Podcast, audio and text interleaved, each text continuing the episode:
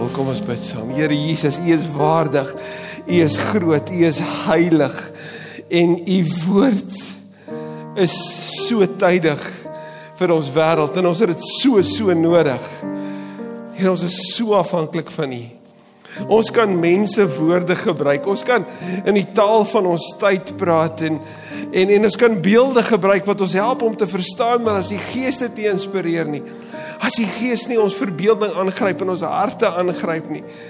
Here dan dan is hierdie maar net 'n 'n futiele oefening, dan beteken dit niks, maar Here, omdat U hier is en daar waar twee of meer is, daar sê U woord is U, omdat U hier is, dit is so 'n groot verwagting dat U ons sal kom aanraak met die krag van U woord en met die grootheid, Here Jesus van van die waarheid van wie U is ook daarin. Bid dit in naam van Jesus ons Here. Amen. Amen. Dis jammer ons gaan daai song net weer moet sing. So kan ons hom bære van na die na die tyd se terug. Julle almal okay as ons weer sing. Jy sê nogal dink die preek gaan half daaroor. Nee, nie half wat nie heeltemal. Hierdie week gebeur dit weer. Ek weet dit het al met jou baie gebeur, maar hierdie week het dit gebeur. En is vreemd want laas week Sondag aan sit ek hier Stefan preek oor die eindtyd. Hy sê eindtyd is Jesus tyd. Vandat Jesus gebore is, breek die eindtyd aan. En en hy gebruik nogal Hebreërs 1 as as as deel van sy teks. En ek sit hier en ek is so oortuig dat ek oor Hebreërs moet preek vanaand. Ek is so oortuig dat ons vanaand met mekaar moet praat oor die grootheid van Jesus en dat hy die groter as is. Maar ons het 'n uh, uh, besluit 'n paar weke terug dat ons 'n 'n slaapbank nodig het by die huis en ons bestel hom toe en hy word afgelewer. En so wat hulle hom indra nou hardloop ek voor die man hulle lyk baie ernstig. Hulle dag was heel duidelik baie lank. Hulle was baie laat in die aflewering gewees. So hulle is agter die tyd, maar hulle hardloop om die tyd in te haal. En so wat hulle die bank indra en, en jy hoor net die manne stoei. Toe die, hulle die bank neersit, toe gee die ou so 'n knoop. En en dit het my 'n bietjie dat stik na my asem van huh? Want wat hy gesê het was nie 'n vloekwoord wat ek nie hier kan herhaal nie. Wat hy gesê het is dit wat ek al so baie keer gehoor het. Hy het gesê Jesus Christ, now I'm tired. En ek sê vir hom, dude, do you know whose name you just called? Ek kyk myself van wat het jy gedrink? Ek sê vir hom, why don't you just use a rubbish name like Vishnu or Krishna or Muhammad? Why why do you have to use the name of God? Hy het my so half gekyk asof mm, en hy sê daar uit. Was dit is dit nie die vreemde nie? Het jy al ooit gesien dat iemand hulle toon stamp en dan sê hulle ou oh, Vishnu? Of Jeremy Clarkson, Top Gear, nuwe advertensie. Hulle gaan hom uitdraai sê, "O oh, Krishna."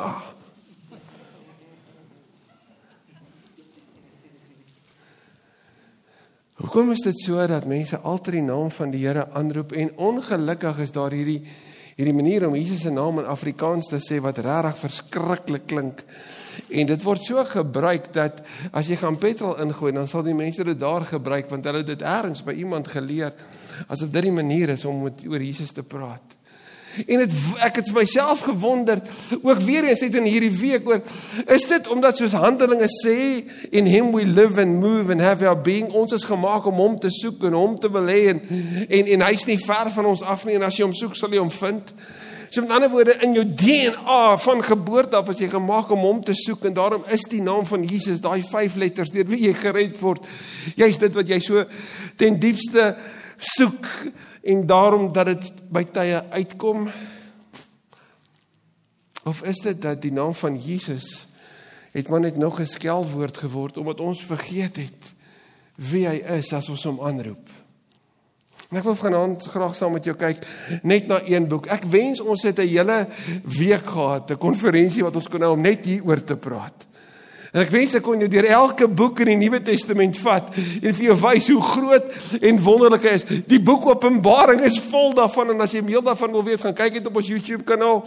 Daar's so 22 video's daaroor wat jy sou kon kyk wat net iets vir jou sou beskryf. Ehm um, maar vanaand gaan ons kyk na wat sê Hebreërs. Hebreërs skryf so ons kies 65 tot 65 en 70 na Christus. Dis net voor die tempel geval het. Die vervolging onder die Christene het klaar begin uitbreek. Christene is uit Jerusalem uit weggejaag. En so wat hulle hardloop, vertel hulle van almal hoe jy gered kan word. Deur die naam van hom wat opgestaan het en leef, wat hemel toe gevaar het en terugkom, Jesus die Here. Kies. Maar nou het Jesus nog nie teruggekom nie. Die nabye wederkomsverwagting wat die gelowiges gehad het, het toe nog nie gebeur nie. Hulle het al goed uitgedeel met met mense en die die beweging van Christene trek omtrent in die omgewing van 6-7000 en dit word by die dag meer. En wat die Jode dan doen is baie interessant. Hulle gaan na die Christene toe en sê vir hulle: "Oké, okay, so wat het julle nou uiteindelik oor? Hierdie hele movement van julle uit ons tempel uit en weg, wat het julle oor? Niks. Julle het nie 'n wet nie. Julle het nie 'n offerplek nie. Julle het nie 'n tempel nie. Julle het nie die Sabbat nie. Julle het nie die Pesach nie. Julle het nie al daai feeste wat ons so hou wat ons herinner aan ons Joodse agtergrond en herkoms nie. Wat het julle? En ons sien dat die gelowiges wonder en stoei. Die skrywer van die Hebreërs brief en ek kan die hele tyd so daarna verwys sommige dink dis Apollos. Daar's mense wat dit aan Paulus of selfs aan Lukas toeskryf of aan Timoteus. Ons is nie seker nie.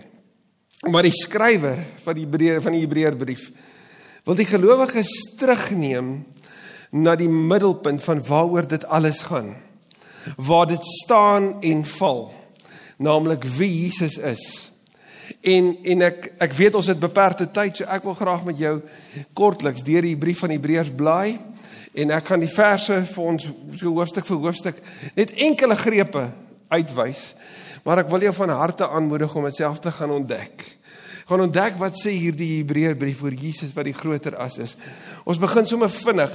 Um in die Nuwe Testament natuurlik is die Romeine 10 teks 'n goeie plek om te begin. Romeine 10 sê elkeen wat die naam van die Here aanroep sal gered word. Watter naam? Nie Vishnu nie, nie Krishna nie, verseker nie Mohammed nie, Jesus. Johannes 14 vers 6 sê ek is die weg, die waarheid en die lewe. Daar's 'n inklusiwiteit in die Christelike boodskap, naamlik net deur Jesus. Daar's 'n eksklusiwiteit in die Christelike boodskap, naamlik net deur Jesus. Jy kan deur niks anders, nie deur jou beste dade of al jou wettiese houdings of enigiets gered word nie, net deur hom en wat hy vir jou gedoen het en net deur hom te glo. Elkeen wat die naam van die Here aanroep, sal gered word. So wat sê Hebreërs? Ek vat vir ons nou hoofstuk 1 toe. Sommige vroeg vroeg in die inleiding lees ons in die verlede het God baie keer en op baie maniere met ons voorvaders gepraat deur die profete. Maar nou in hierdie laaste dae, in die laaste dae dui op die Yom Yahweh, die dag van redding, dis wat dit beskryf, wat aanbreek die dag wanneer Christus gebore is, het hy met ons gepraat deur die seun God het hom deur wie hy die wêreld geskep het. Wow, dit herinner aan Johannes 1, nê? Nee?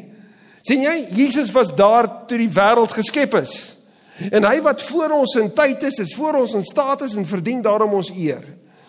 God het hom deur wie hy die wêreld geskep het ook erfgenaam van alles gemaak. En kyk mooi, uit hom straal die heerlikheid van God. En hy is die ewebeeld van die wese van God. Hy hou alle dinge alle dinge deur sy magswoord in stand. Nadat hy die reiniging van die sondes bewerkstellig het, het hy gaan sit aan die regterhand van die majesteit in die hoë hemel. Jesus, die een deur wie alles ontstaan het. Jesus, die een deur wie se magswoord alles in stand gehou word. Die een wat Kolossense 1 vir ons wys vers 15 tot 20, die ganse skepping beweeg na hom toe. In hom vind die skepping hulle bestaan. En as ek en jy sy naam aanroep, sal ons gered word. Want hy's die ewebeeld van God. Iemand het eendag gesê, Jesus is not like God, God is Christ-like. So as jy wil weet hoe lyk God, wie is God, dan kyk jy na Jesus. Jesus sê dit self in Johannes 14, wie my sien, sien die Vader. Nou wil ek vir jou sê, wanneer ek en jy ooit op daai plekke kom waar ons dink God is 'n grumpy old man, 'n kwaai oupa met 'n baard met iets om jou sleg te sê of jou pak slaat te gee, wil ek vir jou vra, hoe vergelyk dit met jou beeld van Jesus? sien jy dit van Jesus? Want enige iets wat anders is as die beeld van Christus is 'n valse voorstelling van wie hy is. En daarom moet ons onsself altyd vra, Wat sou Jesus in hierdie oomblik gedoen het? Wat doen die Heilige Gees? Hy rig ons op Jesus. Die Heilige Gees stel ons bloot aan Jesus, leer ons Jesus ken. en leer ons om soos Jesus te leef. Deur hom is daar redding. Hebreërs 2 vers 17. Daarom moet hy in elke opsig aan sy broers gelyk word, sodat hy 'n barmhartige en getroue hoëpriester voor God kon wees, om die sondes van die volk te versoen. Omdat hy self versoek is en gelei het, kan hy die help wat versoek word. Ek kan so baie lank op hierdie stil staan, maar hoor net in kort dit. Die priesters in die Bybelse tyd was mense. So vir iemand om 'n offer te bring, moes hy tussen die mense wees. Nou in Filippense 2 sê Jesus het een van ons kom word, hy die stofstrate van ons lewe kom stap. En wat het hy kom doen? Hy het 'n offer kom bring. Maar hy is 'n ander hoëpriester, want die offer wat hy kom bring het was nie 'n lammetjie of 'n bok nie. Hy het nie namens die volk kom intree en kom sê soos wat die priesters van daai tyd self sondig was, nou het hy ook dit kom bring nie. Nee. Hy het homself kom offer. Hy het homself kom gee. En omdat hy kyk mooi self versoek en gelei het. Julle daar is geen God wat in enige ander godsdiens beskryf of genoem word wat vir jou sê daai God verstaan en voel en weet wat dit is om jy te wees nie. Nêrens. Daar's geen plek waar ek en jy sal lees van iemand wat in jou skoene kom staan het en presies weet wat jy voel, waarmee jy battle, wat vir jou erg is, wat vir jou seer maak en wat vir jou versoekings is nie. Hebreërs sê vir ons Jesus is die een. En omdat hy die pad gestap het, kan hy jou lei. So wanneer jy nie weet wat om te doen nie, vra hom. Hy ken die pad. Want hy het dit eerste gestap. En dan sê hy vir jou en my volg my. Hoe kan ek en jy iemand volg wat nie die pad al gestap het nie? Daarom volg ons hom die betroubare. Die een wat voor ons gestap het. Hy maak dit alles anders want hy's naby ons. Want hy weet hoe dit voel. Hoofstuk 3 sê Hebreërs, hy is getrou aan God wat hom aangestel het, soos ek Moses getrou was aan die hele huis van God. Maar kyk mooi, Jesus is groter heerlikheid waardig geag as Moses. Net soos die een wat 'n huis bou meer waardig is as die huis. Wat sê Hebreërs? Wel Jesus het in die evangelie gesê hy is groter as die Sabbat. Maar wat sê Hebreërs vir ons al klaar in hoofstuk 3? Jesus is groter as Moses. Wat het Moses gedoen? Hy het Israel uit slawerny uitgelei, die Exodus, die uit uitpad, hy het hulle uitgelei. Wat sê Jesus? Ek is die Hodos, ek is die weg, die waarheid en die lewe stap my pad en jy gaan uit slawerny uitgelei word uit die slawerny van sonde na lewe toe na 'n beloofde land wat groter en beter is so wanneer die Jode vir die Christene sê maar waar is julle tempel waar is julle Here wat ook al dan kom sê Hebreërs kom ons ek herinner julle net gou-gou julle weet hierdie Jode hulle begin 'n storie by die uittog net gou-gou vir julle fokus op wie Jesus is hy's groter as Moses Herinner julle net gou. Wie is die twee wat langs Jesus verskyn op die berg van verheerliking? Moses en Elia. Om wat te doen? Om eer aan hom te bring. Moses die wet, Elia die profete, Jesus die vervulling van die ganse Ou Testament. Dis wat op daai oomblik daar gebeur. Jesus is groter as. Hoofstuk 4 sê die skrywer van Hebreërs, terwyl ons dan nou 'n groot hoëpriester het wat reeds deur die hemele gegaan het. Jesus die seun van God. Laat ons vashou aan die geloof wat ons bely sien soms is dit al wat jy het. Soms is jou emosies weg. Soos 'n vriendin vanoggend vir my sê, Lentjie stoei met geweldige pyn in haar liggaam al vir jare en en sy sê vir my sy voel of sy in 'n geweldige woestyn is en en sy stoei want sy glo in genesing en sy glo in die Here maar op hierdie oomblik voel dit net vir haar of hy haar nie hoor nie maar sy sê dis wat ek voel dis nie wat ek glo nie wat ek bely is dat hy die Here is. En uiteindelik na 'n lang gesprek sê sy vir my ek besef dat pyn soms heilig is. Sy sê Spurgeon moes dit beleef, Corrie ten Boom moes dit beleef en dan noem sy die name. Sy sê dis net jammer dat dit so erg moet voel. Ons het hom en dis aan hom wat ons vashou en dis wat ons bely. Die hoëpriester wat ons het is nie een wat geen medelee daar hak hy weer aan met hoofstuk 2 met ons swakhede kan hê nie. Hy was immers in elke opsig net soos ons aan versoekings onderwerp. Maar hy het nie gesondig nie. So wanneer ek en jy swak is, Wanneer jy daai meer verloor het wat jy beloof het jy nie sal nie. Wanneer jy daai ding gedoen het wat jy gesê het ek sal in alle ewigheid dit, dit nooit doen nie. Wanneer jy in skaamte val en en dink niemand sal ooit na my rubbish mens kyk nie. Sê ek sal. Want ek het medelee met jou. Ek ken jou broosheid. Ken jou angs, jou onsekerheid, jou blinde kolle. Ek weet van al die drake wat jy moes beklei in jou lewe. En ek is hier om jou hand te vat. Want wat maak hom anders? Hy is die een wat nie gesondig het nie. Daarom kan hy daar wees vir my. Ons gaan dan met vrymoedigheid na die genade troon sodat ons barmhartigheid en genade ontvang en so op die regte tyd gered kan word. Wat bring Jesus vir jou en my? Het jy dit daar gesien? Barmhartigheid en genade. Waartoe gaan ons? Na die genade troon toe. Daar staan nie ons gaan na die hofsaal toe om voor die regter te verskyn sodat hy vir ons kan sê hoe sleg ons is nie. Nee, dit gebeur met hulle wat nie glo nie. En kyk maar Openbaring. Maar as jy in Jesus glo, dan verskyn jy voor die genade troon. En wat ontvang jy? Barmhartigheid en genade.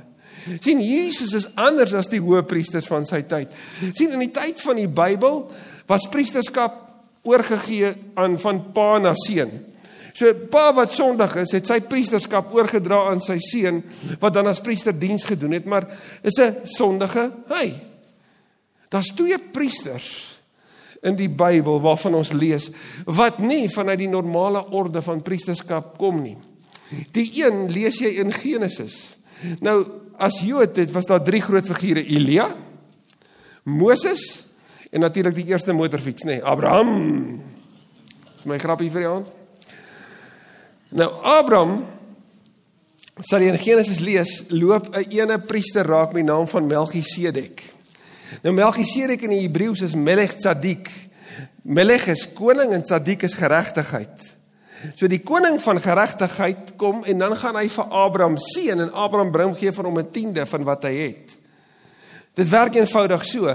Jy bring 'n offer of 'n bydrae, jy gee sodat jy seën kan ontvang van iemand wat groter is as jy. So met ander woorde, Abraham is kleiner as Melchisedek volgens Genesis. Verstaan? Nou soos in Hebreërs en as jy nou hoofstuk 4, 5, 6 gaan lees, gaan jy nou gou hierdie verhaal van Abraham sien en Melchisedek. En dan kom ons by hoofstuk 7:24. Omdat Jesus vir ewig bly, beklee hy 'n priesterskap wat nie op 'n ander oorgedra kan word nie. So dan oor hy's nie deel van die die menslike oorgee nie. Want hy is nie sondig nie. Sy priesterskap kom nie daarvan nie. Nee, daarom kan hy ook die wat deur hom na God gaan eens en vir altyd verlos. Hy lewe vir altyd om vir hulle by God in te tree. So wat is anders aan hierdie Melech Tzadik, die ware koning van geregtigheid? Hy maak dit moontlik vir jou en my om vir eens en vir altyd verlos te wees. En wat doen Jesus anders as die ander gode? Romeine 8 sê dit ook vir ons.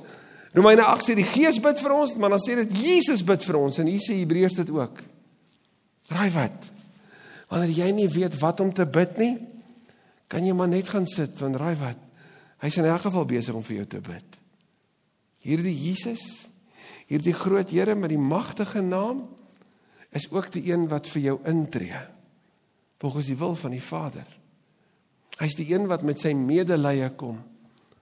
En kom sê Vader, ek kom staan soos in Johannes 4 namens daai barmhartig ag namens daai Samaritaanse vrou by die put wat al 5 huwelike gehad het en nou in 'n saambly verhouding is. Ek kom staan namens haar voor U. Johannes 8, daai vrou wat met oorspel betrap is. Ek kom staan namens haar voor die Saggeus, die boef tollenaar. Ek kom staan namens hierdie boef voor die om genade te bemiddel. Ek gaan kyk maar hoe Jesus dit deurentyd doen. En as hy dit vir hulle gedoen het, dan tree in vir jou en my. Jesus tree in eens en vir altyd het hy verlossing gebring. Hoofstuk 7:26. Hy het immers eens en vir altyd 'n offer vir die sondes gebring toe hy homself geoffer het. Die wet stel mense as hoëpriesters aan en die mense het swakhede, maar die uitsprake wat met 'n eed bevestig is en wat na die wet gekom het, stel die seun aan as ewige en volmaakte hoëpriester. Jesus het 'n offer gebring sodat ek en jy nooit ooit weer hoef nie Ons hoef nooit weer in te val in daai wettiese stelsel wat sê jy moet die Sabbat hou, jy moet hierdie woorde gebruik, jy moet daai feeste hou. Jy moet by al hierdie klomp goeders doen, jy moet jou jaarlikse pelgrimstog deurgaan. Jy moet meer as die 600 wette onderhou sodat jy eers net voel dat jy waardig is. Nee, niks daarvan nie. Hy het ingekom en hy het ingetree So Jesus is groter as die Sabbat. Jesus is groter as Moses. Jesus is groter as Abraham. Jesus is groter as Melchisedek. Jesus is groter as die Hoëpriester en hier sien ek en jy Jesus is groter as die grootste offer wat gebring was by die tempel. Want hy het homself gegee. Hoofstuk 9 sê vers 14: Hoeveel te meer sal die bloed van Christus ons gewete bevry van die las van dade wat tot die dood lei, sodat ons die lewende God kan dien. Hiervoor het Christus immers homself as volkomme offer deur die ewige Gees aan God geoffer. Wat was Jesus se laaste woorde? Vader, in U hande gee ek my gees oor. Wat het Christus kom doen? Hy het homself volkome geoffer. En wat reinig hy ons van? Van ons sonde en raai wat nog? Van ons gewete wat ons so aankla. Ek weet want ek is ook een Ek weet dat jy gereeld deur jou verlede aangekla word. So nou en dan het jy herinnering uit jou verlede. Herinnering wat vir jou sê, hoe durf jy oor die Here met mense praat? Herinnering van een van daai swak oomblikke uit jou verlede waarin jy dink, "Jeg, as ek net daai oomblik kan terugkry, ek sal nooit weer so stupid wees nie." Wat kom sê Hebreërs vir ons? Jesus wat ek en jy bely, reinig ons daarvan. Ons het nie meer nodig om die leuen te vat dat ons skuldig is daaraan nie. Ek kan vir my gewete ook sê wees stil, soos Corrie ten Boom gesê het, when God forgives, he throws your sin into the deepest ocean and he puts up a sign no fishing allowed. Ek is vergewe. sien Jesus het ons nie net vrygemaak van ons gewete nie. Kyk wat sê Hebreërs, hy het ons so verlos sodat ons God kan dien. Jy dien die Here nie omdat hy jou vasgebind het met skuld aan kettinge nie. Jy dien hom omdat jy juis vry is. Soos iemand wat vrygemaak is en hardloop met liefde. Ek het onlangs op een van hierdie Animal Planet um, kanale gesien van 'n dier wat vasgevang was in in weet en, en terwyl die dier vas is, maak hy al hierdie verskriklike geluide en hy lyk nogal wreed wat toe die dier vrykom, toe hardloop hy na die persoon toe wat hom vrygemaak het, vol blydskap en en die stertjie beweeg net so. Wat gebeur met jou en my as ons besef ek is vry van my verlede? Ek is oop om na die Here toe te hardloop en hom vas te gryp en te sê, "My vrygemaak." U is waardig. Niks kan my meer aankla nie. Hoofstuk 10. Broers, susters, Ons het dus nou die bloed van deur die bloed van Jesus vrye toegang tot die heiligdom en dit op 'n weg wat nuut is en na die lewe lei. Hierdie weg het hy vir ons gebaan deur die voorhangsel heen. Dit is deur sy liggaam. Nou die voorhangsel was 'n 'n plek gewees wat skeiding gebring het tussen die die heilige en die allerheiligste. Die allerheiligste was mos natuurlik in die tabernakel en toe later in die tempel. Die plek waar die hoëpriester een keer per jaar kon gaan besoek en God se teenwoordigheid kon beleef. Nou sien ons dat wanneer Jesus sterf, dan skeur die voorhangsel. sien Jesus deur sy liggaam te gee, skeur die voorhangsel en kan ek en jy nou, soos wat ons hier sit in Centurion, die allerheiligste troonkamer van die hemel bereik. En ons kan instap. En ons kan daar wees. Hy het dit vir ons bewerkstellig. So hy's ook groter as die tempel. Hy's ook groter as die grootste offers. En dan sê hoofstuk 12 en hoor net hierdie belangrike woorde as jy dalk al by opgee was. By daai plek was waar jy wou sê ek wil nie meer nie. Ek kan nie meer nie. Hierdie is te swaar, te moeilik, te uitdagend. Kyk hierdie. Terwyl ons dan so 'n groot skare geloofsgetuies rondom ons het. Dis al die gelowiges wat voor ons die wedloop klaar gemaak het. Laat ons elke las van ons afgooi. Ook die sonde wat ons so maklik verstrik. En laat ons die wedloop wat vir ons voorlê met volharding hardloop. Die oog gefestig op Jesus, die begin en volëinder van die geloof. Terwille van die vreugde wat vir hom in die vooruitsig was, het hy die kruis verduur sonder om vir die skande daarvan terug te deins en hy sit nou aan die regterhand van die troon van God. Kyk nou. Hou hom voor oë wat so 'n vyhandige optrede teen die sondaars teen hom verdraai het. Dan sal julle nie geestelik moeg word en uitsak nie. So jy sou kon sê, wat doen die Hebreërs skrywer wanneer die uitdagings op die gelowiges kom en wanneer die Jode sê maar julle het niks nie, dan sê die Hebreërs skrywer, kom ek herinner julle net aan die een wat die begin en die volëinder van julle geloof is, die een oor wie dit die hele liewe tyd gaan. Dit was toe nie 'n wat wil jy drink bandjie nie, dit was toe 'n wat what would Jesus do bandjie. Dit het regtig oor hom gegaan. En hierdie vyf letters is regtig so groot. Ek kom ek sê net vir jou, wie's hy? Hy is die begin en die volëinder daarvan. En wat se pad het hy gestap? Hy het geweet daar's vreugde wat in die vooruitsig was. Wat se vreugde? Vreugde om saam met sy mense vir ganse ewigheid te wees. Waar hulle vrygemaak, skoon gewas, vrygelaat is. Waar hulle tot lewe geroep is, uit die dood uit tot die lewe oorgegaan het. Gevul deur die Gees, agter hom aanstap, in liefde by hom is. En omdat hy geweet het dit is die realiteit, het hy hierdie pad gestap deur die dal van doodskade weer en sy liggaam gegee as offer. Het hulle hom aan 'n kruis vasgespijker. Maar hy het geweet daar's vreugde in die vooruitsig.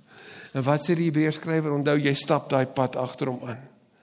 En wanneer dit vir jou moeg raak en jy moedeloos word en dit swaar raak, hou hom voor oë. Wat ter wille van die vreugde hierdeur gegaan het, dan sal jy nie moeg word en uitsak nie. En uiteindelik hoofstuk 13 vers 20 God wat vrede gee, het ons Here Jesus wat deur die bloed van die ewige verbond die groot herder van sy kudde is, uit die dood teruggebring. Mag die God julle toerus met alles wat goed is, sodat julle sy wil kan doen. Mag hy deur Jesus Christus in ons tot stand bring wat vir hom aanneemlik is. Aan hom behoort die heerlikheid tot in alle ewigheid. Jesus is die ewige herder Jesus is die een wat sy lewe gegee het, wat gesterf het, wat dood gegaan het, maar wat opgewek is en wat lewe. Jesus is die een wat vir jou en my wanneer ons by die dood van 'n geliefde staan, herinner om ons trane af te droog. Want daar's hoop. Ons kan sing met ewige hoop want omdat Jesus opgestaan het, 1 Korintiërs 15, weet ons hierdie geliefde van ons wat bely dat Jesus die Here is, nou by hom is vir altyd. En dat dit waar is dat hy terugkom om ons te neem om te wees by hom. Dat ons kan wees by hom. Jesus is die groter as. Hy's groter as die Sabbat. Hy's groter as Moses, groter as Abraham, groter as Melchisedek, groter as die hoëpriester, groter as die offers, groter as die wet, groter as die skepping, selfs groter as die sonde en die gevolge daarvan. Wat hy dit alles kom herstel. So volgende keer. Volgende keer. As jy in 'n situasie is en iemand gebruik daai 5 letters herinner hulle wie hulle aanroep. Was sien is hierdie Here wat waardig is om die middelste plek in ons ganse wese in te neem, naamlik die troon van ons harte. Hy verdien om ons eerste liefde te wees. Hy wil dit ook wees. Hy vra dat jy na hom toe sal kom. Hy sê kom na my toe, almal wat uitgeput en oorlaai is. Soos jy vanaand op 'n plek is, nie lewe is dalk vir jou te veel. Ek wil jou herinner hardloop na hom toe. Hy het medelee met jou. Dalk as jy vanaand op 'n plek waar jy sê niemand sal my opvat nie. Niemand gaan my belangstel nie. Hy doen. Maar maar gaan hy my nie herinner aan al my slegte verledes nie? Nee. Hy gaan jou skoon was. Jy's nie vry van die gevolge daarvan nie. Maar hy gaan jou skoon was. Nuut maak. En wat daarvan as my verlede gebroke is? Ek het dalk misbruik beleef. Seer, teleurstelling, belediging, leed, dalk fisiese geweld. Hy sê kom na my toe. Deur my wonde is daar vir jou genesing. Hy's regtig die naam bo elke naam. Openbaring eindig met Jesus in die middelpunt. En almal buig voor hom. En hulle bring aan hom eer. En weet jy hoe beskryf Openbaring hom? As die bruidegom wat wag vir sy bruid. En ek weet ons man sukkel met die beeld van van die bruid, nê? Nee? Ons die girls julle assosieer heeltemal daarmee. Maar as jy Openbaring 19 gelees, is daar die een deel van die bruidegom, maar hier is hy mooi. Net die volgende deel van hoofstuk 19 van Openbaring sê Jesus is die ruiter op die wit perd. En hy voer hierdie oorlogsoorwinning. En jy sien in Openbaring 19 en jy sien in Openbaring 20. Openbaring 19 val die bose, dis die die twee verteenwoordigers van die Satan, die anti-kris en die valse profete, hulle val. En in hoofstuk 20 asof die Satan nie klaar geleer het uit sy eie foute en hy probeer hy op sy eie En dan staan daar hy die heilige Jerusalem, die stad omsingel. En hy het nou gedink, "Wel, nou verklaar hy oorlog." En dan staan daar en dat vier het die hemel gekom en hulle verteer boef. Daar's toe nie oorlog nie. Hoekom nie? Want Jesus is die oorwinnaar. Jy staan nie 'n kans nie. So hier's die kortom vir jou en my. Jy staan nie 'n kans nie. Jy gaan dit nie voor hom kan maak sonder hom nie. So kies vir hom. Maar nie uit vrees nie. Uit die waarheid dat hy jou liefhet. Hy's die groter as. Daarom kan jy voor hom buig. Amen. Kom ons bid.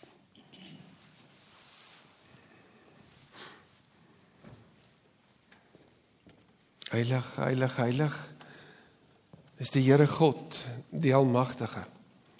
Hy wat is en wat was en wat kom. Waardig, waardig is die lam. Daar is geen soos U nie.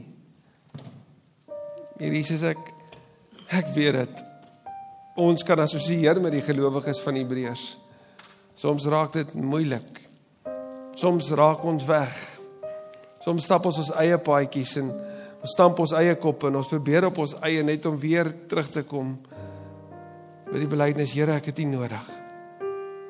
En vanaand Here, wanneer ons U naam aanroep, is dit waar dat sommige van ons het dalk U naam al op verkeerde maniere aangeroep in die verlede. Dalk U naam gevloek of U naam vergeet. Hier is die naam bo alle name. Hier is die groter as. Kom asseblief vanaand. Kom asseblief vanaand en kom Heer. As iemand vanaand die waagmoed het om te bid en te sê Here, ek maak die deur van my lewe oop. Kom in. Dankie dat U woord sê U gaan 'n feesmaal hou.